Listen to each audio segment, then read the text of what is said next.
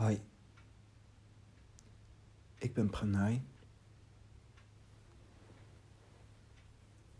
en ik wil het hebben over hoofdstuk 70 van Lao Tse, de Tao Te Ching. Ik maak gebruik van de vertaling van Christopher Schipper. Hoofdstuk 70. Mijn woorden zijn makkelijk te begrijpen en makkelijk toe te passen. Maar in de hele wereld is er niemand die ze kan begrijpen en ze kan toepassen. Woorden hebben een afstamming. Toepassingen beantwoorden aan een principe. Het is alleen maar omdat men die niet kent, dat men mij ook niet begrijpt.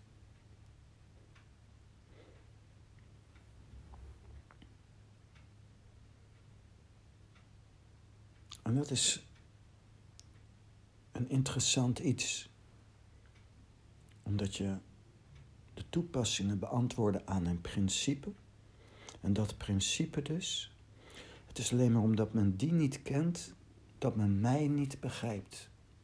Lao Tse.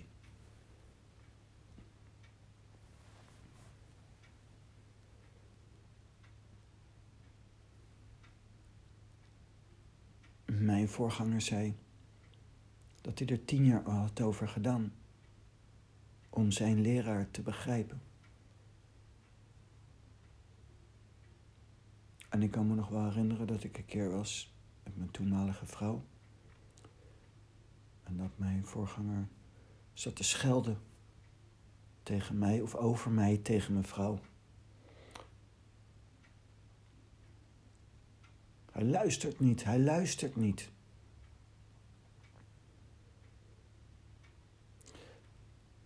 En mijn vrouw die wilde boos worden op mij. Ze zei nee, nee, hij luistert wel, hij hoort het niet.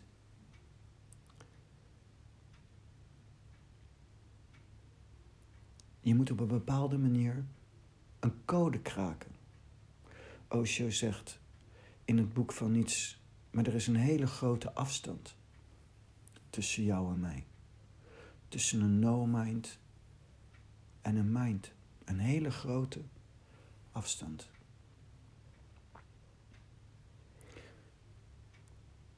Woorden hebben een afstamming. Iemand zegt iets en je luistert naar de woorden. En dikwijls is het zo dat mensen dan die woorden intern invullen met de definities, met de waarde van die woorden die ze zelf hebben op die woorden. En een later, misschien al een paar seconden later, gaan ze op die andere waardebepalingen van de woorden een conclusie trekken en dan gaat de mind daarop door. Drie minuten later. Is er zo'n ander verhaal in die ander zijn hoofd dan die eerste vertelde? En daar hebben we de spraakverwarringen. Woorden hebben een afstamming. Het is heel belangrijk dat je daar bewust van wordt. Woorden hebben een afstamming met iedereen die je praat. Zo'n iemand voelt iets, wilt iets, ervaart iets. En die sensatie brengt iemand ertoe om daar woorden aan te geven. Die verwoordingen hebben een afstamming, een bepaalde zijnstoestand, een verlangen, een boosheid, wat dan ook. Er is een sensatie en die brengt iemand ertoe om iets te zeggen. Dat omschrijven van die sensatie, dat kan met woorden nooit 100% Dus het is eigenlijk al een soort gebarentaal. Iemand zegt iets, maar er is een reden, een afstamming. Iets wat eraan vooraf gaat. Waarom iemand ertoe overgaat om bepaalde woorden in te zetten. En dat doet iedereen verschillend. De ene persoon die voelt ergens auw. En die zegt auw. Die voelt een klein beetje pijn. En bam, auw. Een ander gaat half dood van de pijn en zegt: Ik heb wel een beetje last. De constitutie, het karakter, de persoon geven allemaal op verschillende manieren expressie. Als je niet beseft dat er een afstamming zit, is, en dat het dus ergens vandaan komt, en dat die woorden maar een expressie zijn, zit je altijd in een miscommunicatie. Maar Lao gaat een stap verder dan dat. Woorden hebben een afstamming, dat is altijd. Maar er is nog iets anders. Toepassingen beantwoorden aan een principe.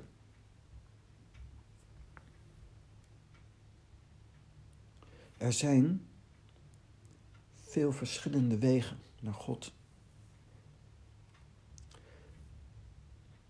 En ze werken allemaal met een specifieke methodiek. Een bepaald principe waarmee ze werken.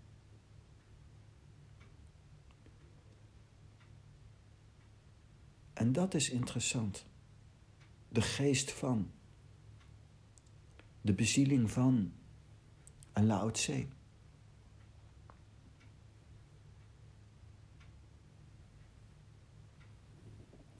Bijvoorbeeld één klein aspect is... We zien bij Lao Tse veel schijnbare tegenovergestelden... die eigenlijk elkaar aanvullen. Door de verschillen en tegenovergestelde te brengen, probeert hij je misschien wel los te maken. Los van de concepten. Om vrij te zijn. Hij noemt ook chaotisch, wild. De taal is chaotisch en wild. En dat is een manier om los te komen toepassingen beantwoorden aan een principe. In feite hoor ik hier ook dat Lao Tse zichzelf op een bepaalde manier niet laat zien. Hij brengt een principe. Hij brengt een methode. Ik denk ook wel dan aan bijvoorbeeld de Bijbel. En veel mensen zeggen ook wel dat ze Jezus anders ervaren dan in de Bijbel staat beschreven. Ik weet wel 100% zeker dat als je echt met Jezus omging, dat dat anders is dan de sfeer in de Bijbel. Natuurlijk zijn die lijnen wel juist, correct.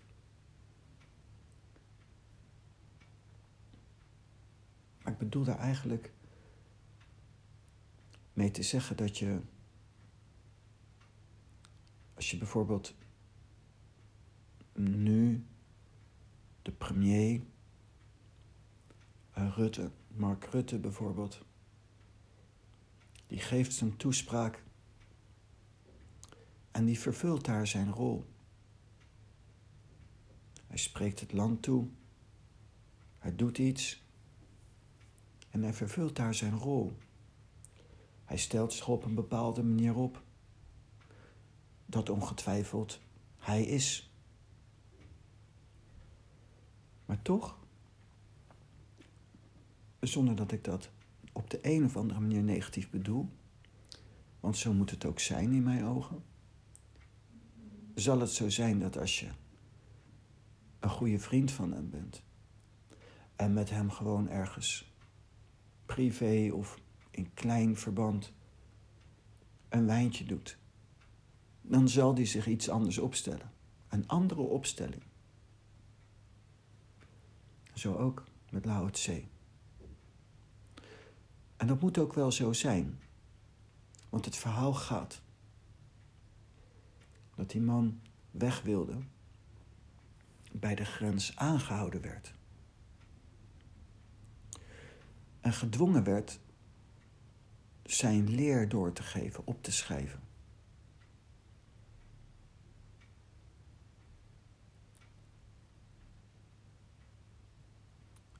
Een leerling van hem, een geliefde zou Osho zeggen. Die was zo vol van hem. En die dwong hem iets te schrijven, zijn leer door te geven. Het is een heel mooi iets. En toen heeft Lao Tse de Tao Te Ching geschreven. Het is een mooi verhaal. Dus hij heeft zijn gedachtegoed doorgegeven. Toepassingen beantwoorden aan een principe. Het gaat er eigenlijk niet om wie Lao Tse is of was. Het gaat om zijn principe.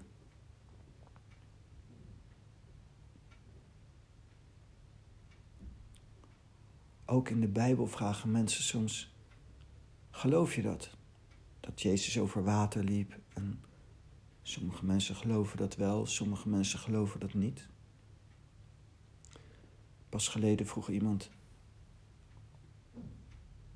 Vind jij, denk jij, dat hij een relatie heeft gehad met Maria Magdalena?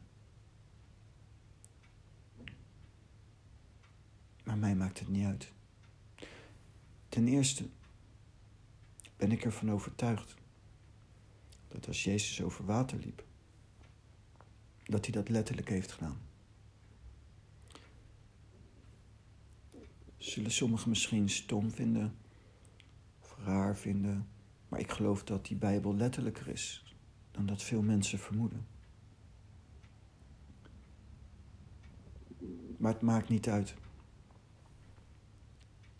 Want ik lees, bijvoorbeeld als ik de Bijbel lees, de Bijbel om met God in aanraking te zijn. Om in contact te zijn met God. En er zit een principe achter. Het is waar, maar er zit ook een principe achter. Door het lezen van de verhalen kom je in contact met. En dat contact, dat is waar het mij om gaat. Ik geloof in Jezus. Omdat ik hem ook voel. Ik ervaar ook zo wat er staat geschreven als iemand van mij houdt. En zich houdt aan mijn geboden. Bij zo'n iemand zal ik en de Vader inkomen wonen. Nu komt de moeilijkheid voor velen. Dat ervaar ik letterlijk, maar ik ervaar ook Osho. En ook Sai Baba. En ook Amma. En moeder Mira. En nog wel anderen. Swami Kapala Krishna. En nog anderen. Letterlijk.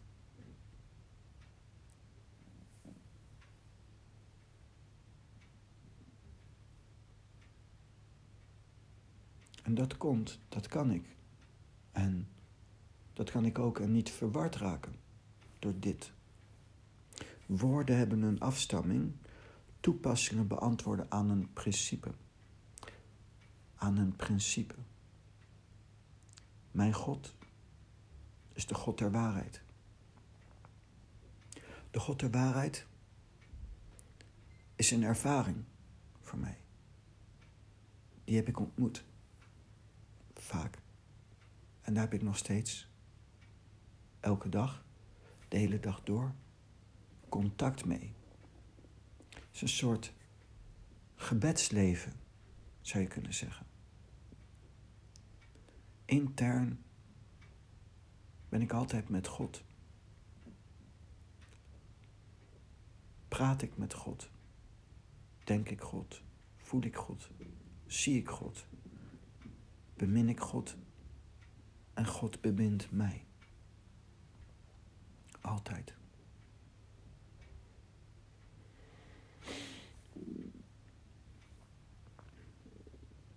Die God, die als eerste verscheen vroeger en er nog is, die is mijn God. Er zijn verschillende principes. Er bestaan zoveel verschillende wegen.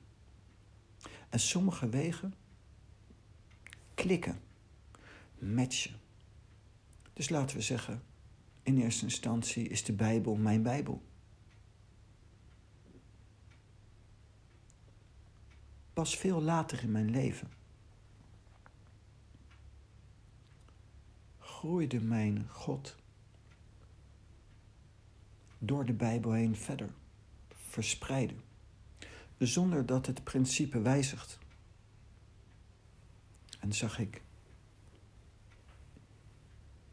bij Lao Tse, Tao Te Ching, mijnzelfde God.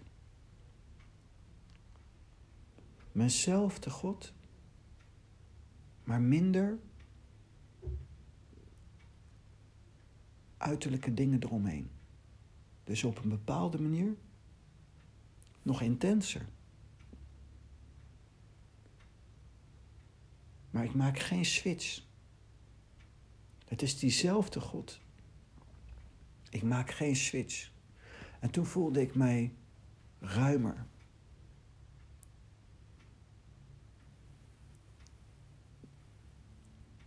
Wijdser.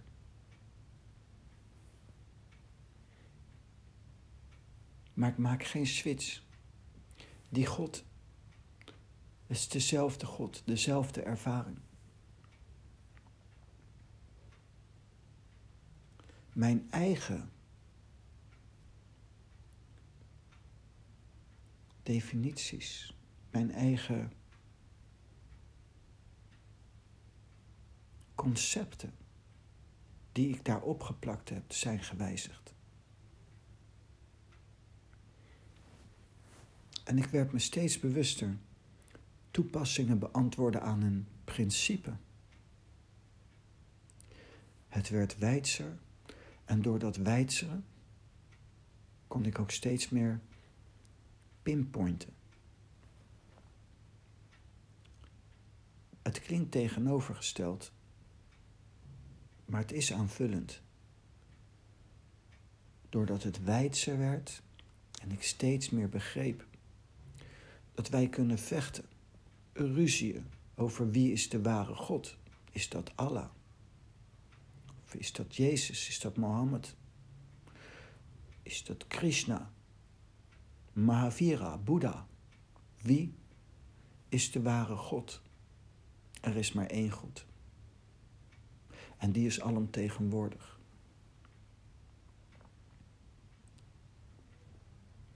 Maar woorden zoals Lao Tse zegt, als je die inzet, dan is de Tao de Tao niet meer. En toch zijn die woorden belangrijk. Woorden hebben een afstamming. Ze komen, de juiste woorden, van het goddelijke af. Toepassingen beantwoorden aan een principe. Het is een bepaald principe. Het is alleen maar omdat men die niet kent, dat men mij ook niet begrijpt. Ik denk dat los van of Jezus werkelijk over water heeft gelopen of niet, dat het een bepaald principe is waarmee gewerkt wordt. waarmee Jezus bijvoorbeeld zijn boodschap vormgeeft. Dat is een bepaalde manier. Zoals ik vannacht nog las. Dat ze het hebben over God vrezen. Dat je God moet vrezen. En dat je dan Hem eer betoont. En op een bepaalde manier. Het zal ook die tijdsgeest zijn geweest. Werkte dat. En dat werkt nog. Ontzag voor God. God vrezen.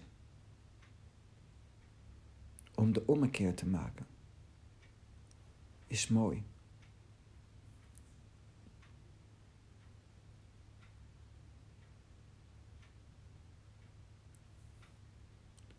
Maar er zijn ook andere principes.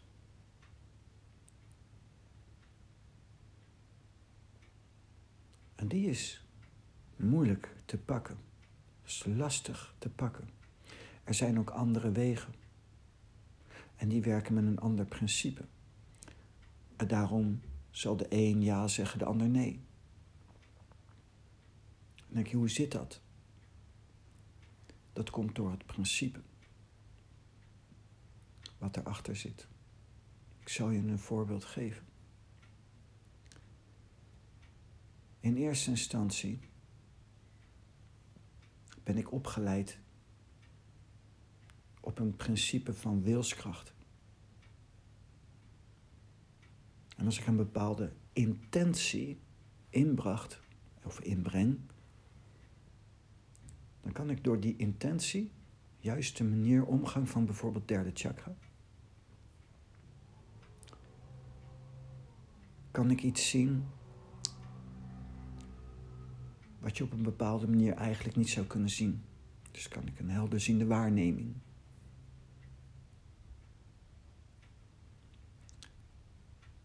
Ervaren.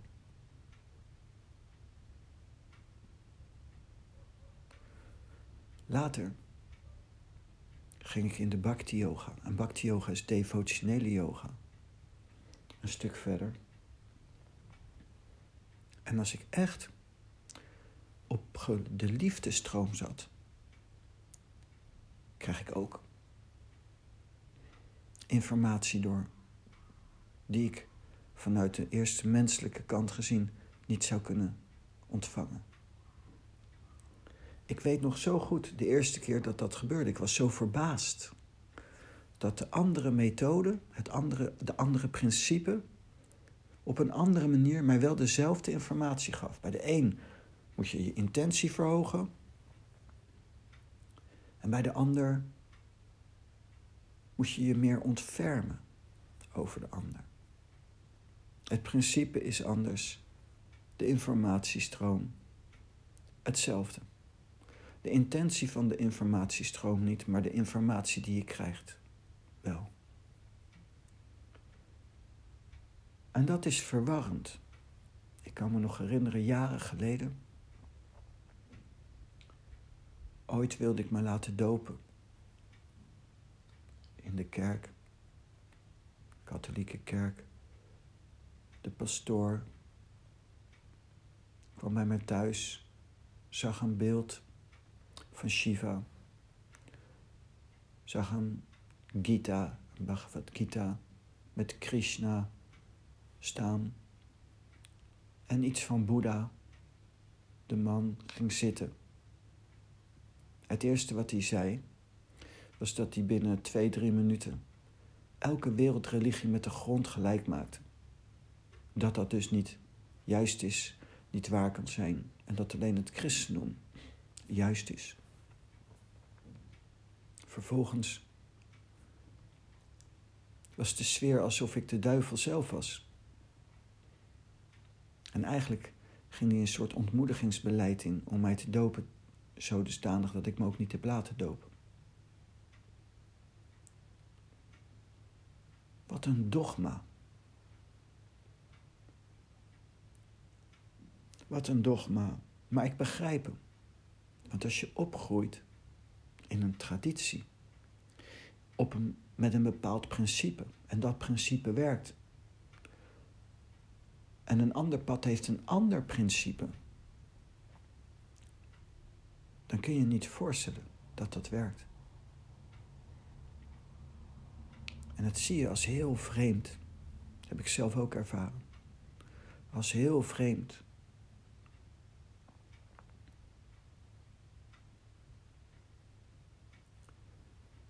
En dit is de grondslag daarvan. Toepassingen beantwoorden aan een principe. Het is alleen maar omdat men die niet kent, dat men mij ook niet begrijpt. Als je het principe niet kent op de achtergrond, dan weet je ook niet wat hij zegt. Als je de afstamming van woorden niet snapt, weet je bij een mens al niet meer wat hij wezenlijk zegt. Maar bij een wijze zit er een principe achter. Een onderdeel van de leer is dat je voorbij je persoon gaat. En iemand die voorbij zijn persoon is gegaan, die kun je niet meer leren kennen door je te verdiepen in zijn persoon. En dat is een weert iets. Dat is hetzelfde als een stap verder van wat ik er net zei. Het gaat een stap verder. Een principe. Als je het principe niet kent,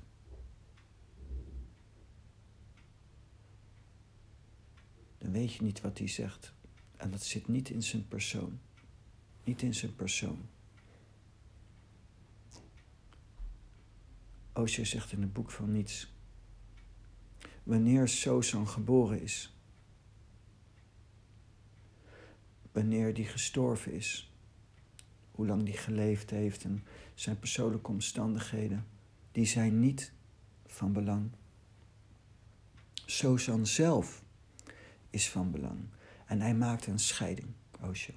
Sosan zelf is van belang. Sosan is een meester, een zenmeester. Een man van de taal, zegt Osho. En om het even wat hij te berde brengt, is van uitzonderlijk belang. Hij geeft expressie aan het goddelijke. Dat is het verschil. Een gemiddeld mens geeft expressie aan zijn mens zijn en aan zichzelf en aan zijn persoon en komt ook niet verder dan zichzelf en zijn persoon. Maar een no-mind, een mysticus, is voorbij zijn persoon. En om het even wat hij naar voren brengt, is niet wezenlijk van zijn persoon. Wat hij naar voren brengt is het goddelijke. En niet zijn persoon. Maar we zitten zo verstrikt in het persoonlijke. En daarom zitten we te vechten. Wie is de ware God? Dat is één. Maar ook intern. Ook intern in een geloof.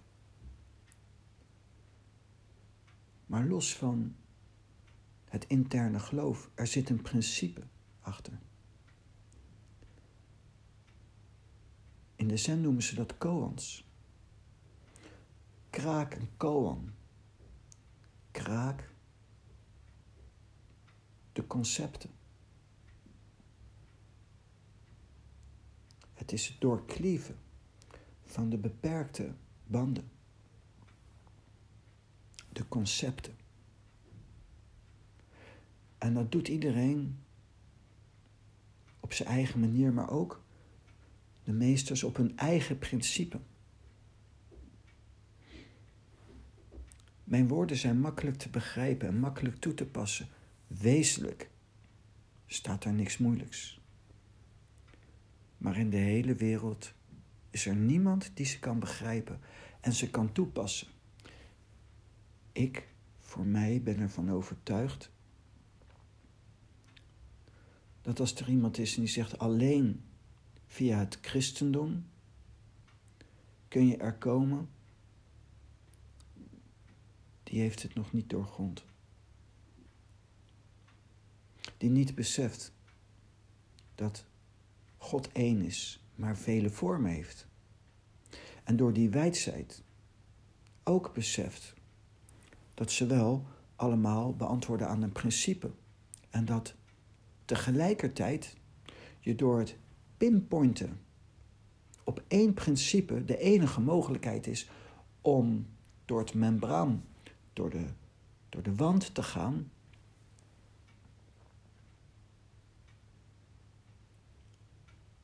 Het maar mogelijk is vanuit één principe. En dus de wijdheid brengt ook eenpuntigheid. Maar uit vrijheid. Niet vanuit een beperking. Toepassingen beantwoorden aan een principe. Als je dat niet beseft, komt er een bepaald dogma op het moment dat je eenpuntig wordt. En dat is niet juist. Een dogma op het moment dat je eenpuntig wordt, is een sluiting van je bewustzijn. Een vernauwing van je bewustzijn. En eenpuntigheid moet juist een verruiming zijn.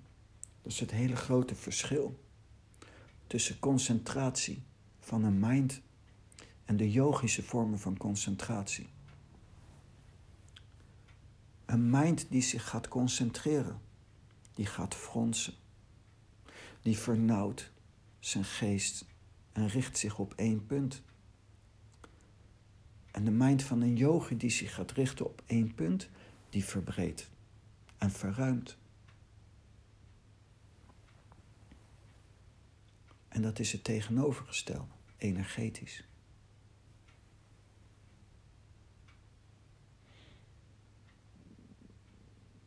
In mijn leertijd was er een man. Ik zal zijn naam niet noemen. Die in mijn ogen heel veel bereikt heeft op spiritueel vlak. Onze leer was vanuit de grond die we beoefenen is Taoïstisch. Maar die man, die was ook heel erg christelijk gelovig. En hij kreeg kanker. En onze voorganger zei dat hij hem kon helpen. Door middel van de Chinese geneeswijze.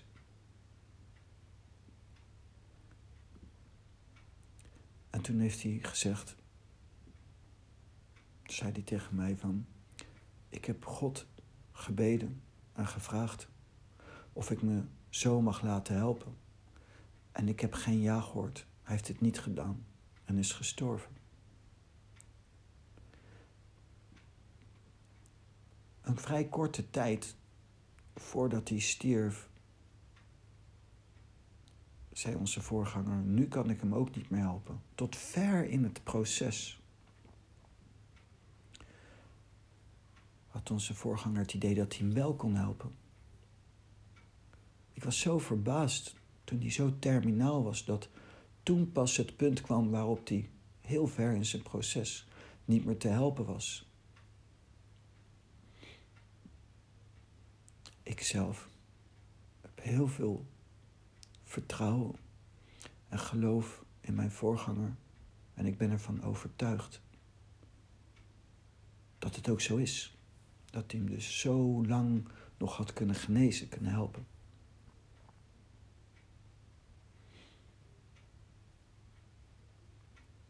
Maar wat me ook altijd bijgebleven is, ten eerste respect. Dat je zo voor je God zo ver wilt gaan. Mooi, dat vind ik mooi. Maar los van hem heeft me dat ook nooit losgelaten. Ik dacht altijd zo op de achtergrond. Dat komt vanuit een bepaald principe. En is dat principe wel de waarheid.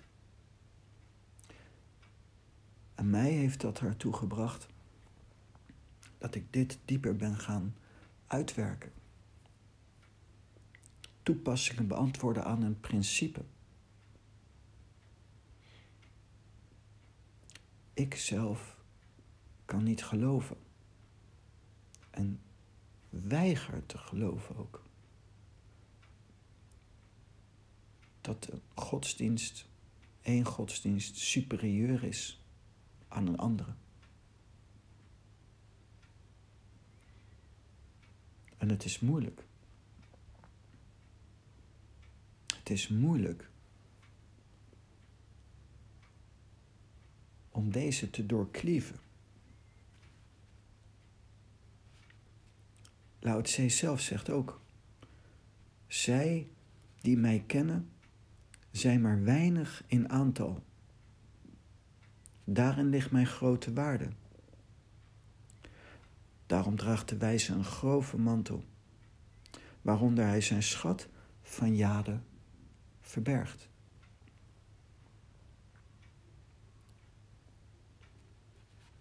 Daarom draagt de wijze een grove mantel. Daarom, omdat weinigen hem kennen. Daar ligt in ook zijn grote waarde. Er zijn maar weinig mensen.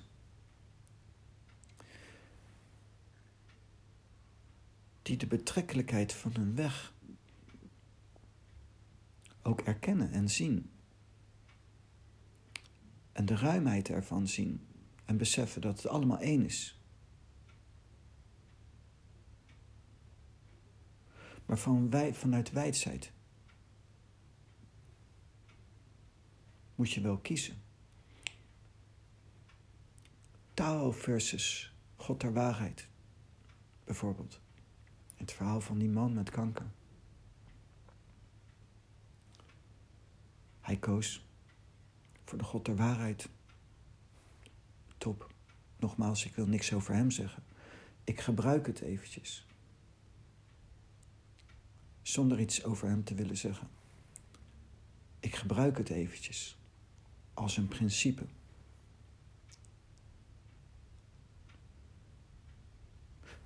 Ik heb zelf gezien, toen de Bijbel groeide voorbij de Bijbel, de taal in, dat ik voordat dat gebeurde, de taal als minderwaardig zag.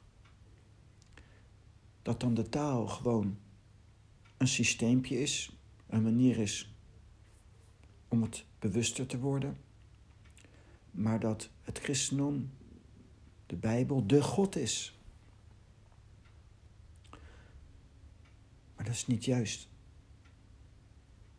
De taal, in de taal is God, de Allerhoogste. Ze duiden hem anders, maar het is God. Ze duiden hem anders, maar het is niet anders. Paramatma noemen sommige Hindoeïsten hem. Paramatman de Allerhoogste.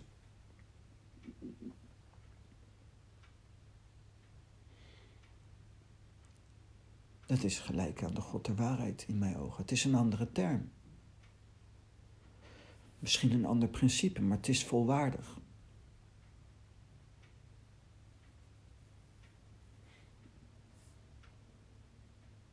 Toepassingen beantwoorden aan een principe. toepassingen beantwoorden aan een principe. Dat is zo mooi.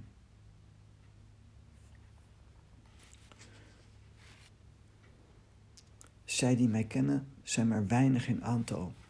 En dat bemerk ik zelf ook. Zoals ik al zei eerder, ik ben niet verlicht.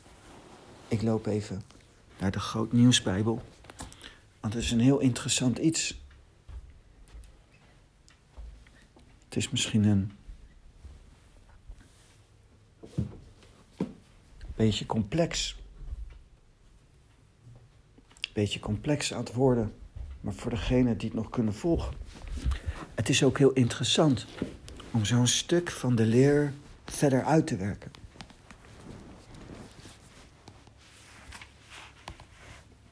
Ik hou graag van koans opwerpen en me zo verdiepen in de leer. Vergis je niet, het is maar een spelletje, het is maar een ritueel, een excuus om met God bezig te zijn. Maar dit is, vind ik, leuk. Lao Tse zegt, je moet de oefening lief hebben. Dit is wat ik lief heb.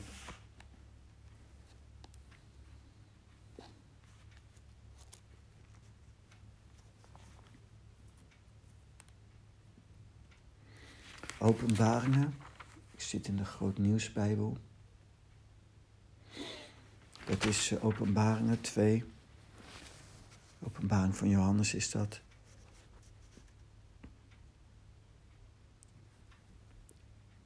De boodschap voor Efeze is een stuk. God zegt: Ik weet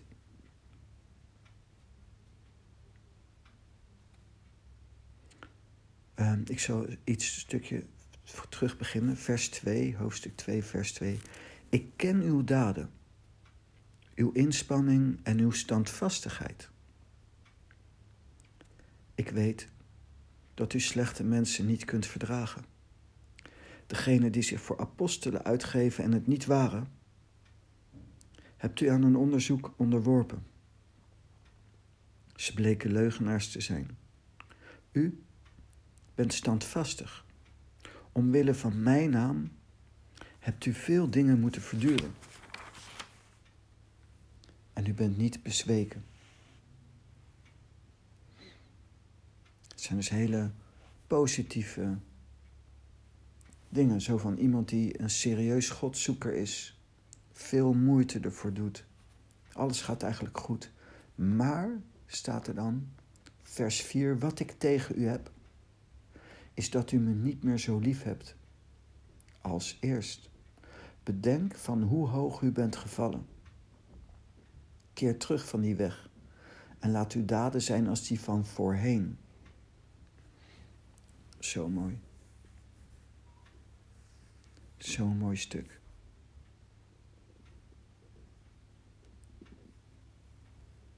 Het principe, de methodiek, de weg.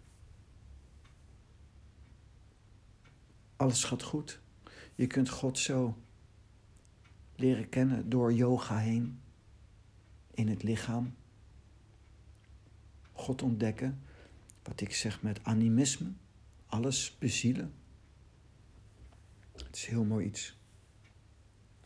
En dat is ook een, uh, iets wat vrijkomt als hier dan staat. De standvastigheid U bent standvastig. Omwille van mijn naam hebt u veel moeten verduren. En u bent niet bezweken. De standvastigheid. Omwille van mijn naam hebt u veel moeten verduren. Maar u bent niet bezweken. Dan denk ik aan bijvoorbeeld mijn yoga. En ik train yoga ik kom in contact met het lichaam en ik probeer het te transformeren, het goddelijke daarin te ontdekken, te zien. En ik ben niet bezweken. Mijn leven is misschien wel gevuld met meerdere zonden. Maar in een poging te verrijken, dichter bij God te komen. En dan werd ik overmeesterd, overmand door bijvoorbeeld het lichamelijke in de yoga. Maar ik ben niet bezweken om God te zoeken. Maar wat ik tegen u heb, is dat u me niet meer zo lief hebt als eerst. Bang! En toen ik dat las, sloeg dat in als een bom.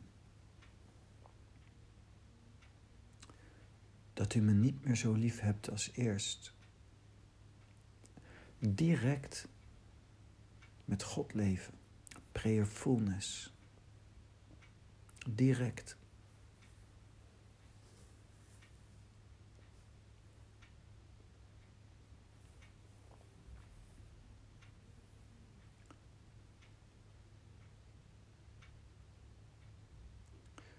En dan is mijn vraag, dat direct met God leven, wanneer doe je dat? En hoe? Zoals die man met kanker Is de Tao dan minder dan het christendom? Pastoor zou zeggen gelijk ja.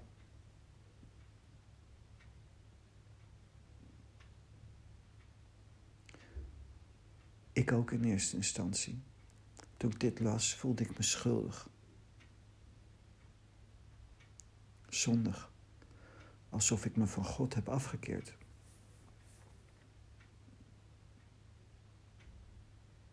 Maar wezenlijk. Wezenlijk is het anders. Op een dieper niveau. Als ik het principe van Lao Tse ken kan ik ook zijn woorden snappen. En dan kom ik voorbij zijn persoon in contact met God, het goddelijke. Het is een stap dieper, een stap verder.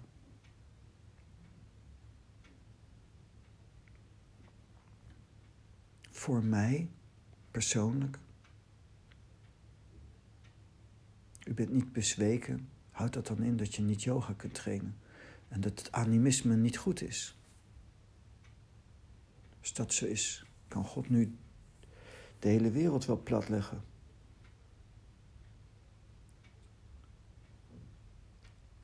Bedenk van hoe hoog u bent gevallen, keer terug van die weg en laat uw daden zijn als die van voorheen. Zo niet, dan kom ik naar u toe en neem uw kandelaar van zijn plaats weg.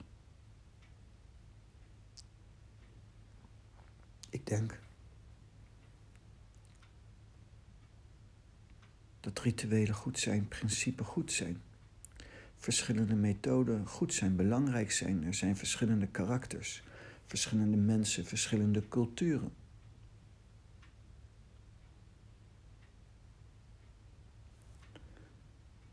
Maar wat ik tegen u heb, is dat u me niet meer zo lief hebt als eerst. De mensen die in de dogma's gaan, of die de rituelen niet zien als manier om met je hart bij God te zijn en om daar expressie aan te geven, maar als de waar, enige ware manier, dan wordt je hart word je bot. Als ik die pastoor was en ik kom bij iemand thuis en ik vind echt dat alle andere geloven je niet bij God brengen, afdwalingen zijn. En ik kom bij iemand die zit daarin, maar die zegt vooral, ik wil gedoopt worden. Van dus voor hem de enige God die je wel brengt naar de hemel zou ik nooit als pastoor, nooit, een ontmoedigingsbeleid ingaan. Ik zou misschien iemand kunnen redden. Als ik dan niet besef dat het principes zijn. En ik zou echt denken dat iemand dan naar de afgrond gaat. Wat een beest ben je dan eigenlijk? Dat je alleen maar een ontmoedigingsbeleid ingaat. Wat een varken ben je dan? Wat een hufter ben je dan? Dat je eigenlijk alleen maar iemand vies vindt.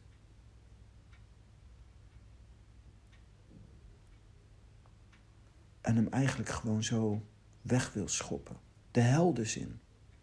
Terwijl die aangeeft geholpen te willen worden. Ik ben blij dat het zo gegaan is. En ik neem de pastoor niks kwalijk. Maar het is wel jammer dat er oorlogen zijn tussen godsdiensten. Wie is de ware godsdienst?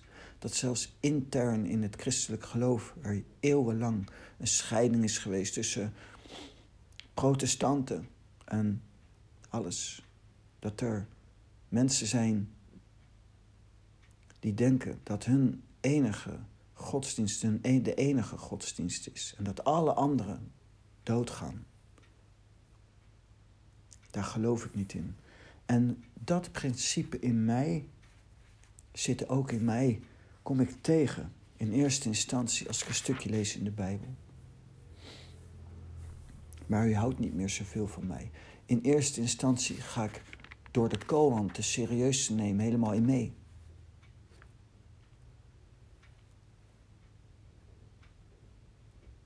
En denk ik, ik ga dood als ik niet alleen christendom, net als die man met kanker, ik moet het christendom volgen. In mijn ogen klopt dat niet.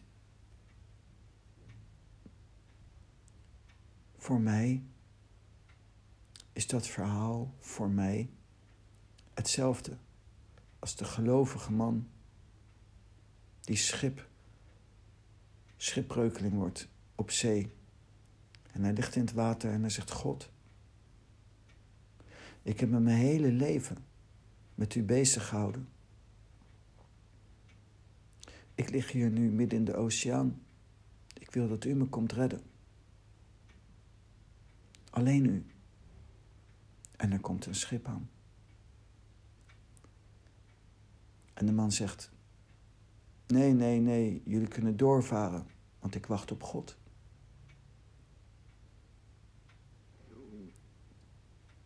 Tijdje later, wonderlijk, komt er een tweede schip. Maar de man zegt: Nee, ik wacht op God. Vaar maar verder, God komt mij redden. En later komt er een derde schip. De man is wat uitgeputter, maar zegt: Nee, ik heb vertrouwen in God. En ook het derde schip vaart verder. God komt niet. En de man verdrinkt. Boos komt hij boven. Bij God. Bij de hemelpoort. En zegt: Nou ben ik mijn hele leven met u bezig geweest. Kom ik in de problemen, vraag ik of u me komt redden. En dan komt u gewoon niet. God kijkt de man aan, verbaasd. En zegt: Oh, ik had er toch drie schepen naar je toegestuurd. Dat. Dat. Vind ik ervan. Drie schepen.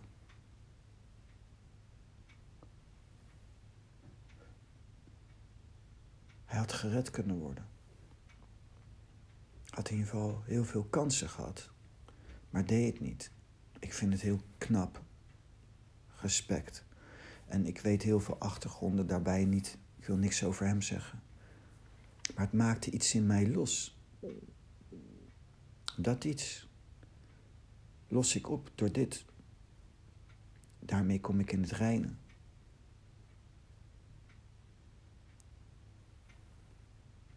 Het is alleen dat je moet opletten. Je niet te verliezen in de principes, in de rituelen. Je hebt ze wel nodig. En de paden. Je hebt een pad nodig. Maar het is een, als het ware, een excuus om met God bezig te zijn. En als je in het pad zit, raak je niet te veel verkwijt in het pad. Het is een hulp. Nu hier, onbevangen zijn, de druk van je afhalen. De druk van je afhalen. Door te zijn. Gewoon te zijn, maar met God. Niet iets doen is niet niets doen. Niet iets doen is onbewust. Niets doen, correctie, niets doen is onbewust. Niet iets doen is bewust.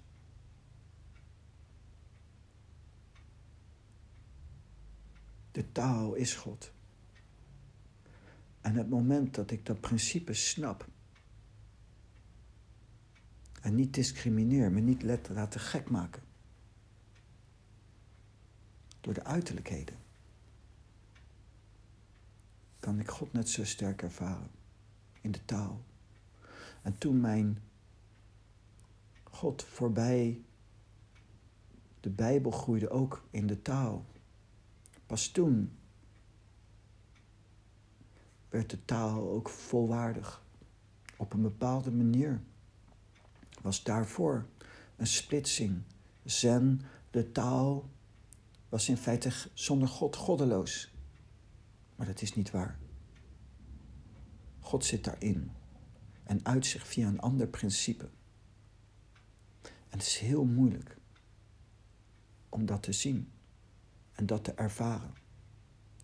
Maar heb ik ook gezien, de mensen die dat ervaren in de zen of de taal, die vinden het vaak weer belachelijk om godsdienstig te zijn en God in de hemel te zien.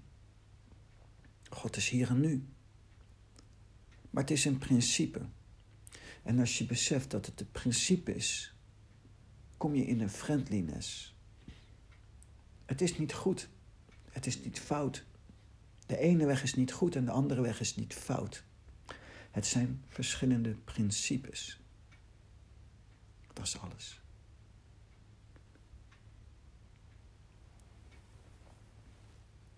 Om Pranaya.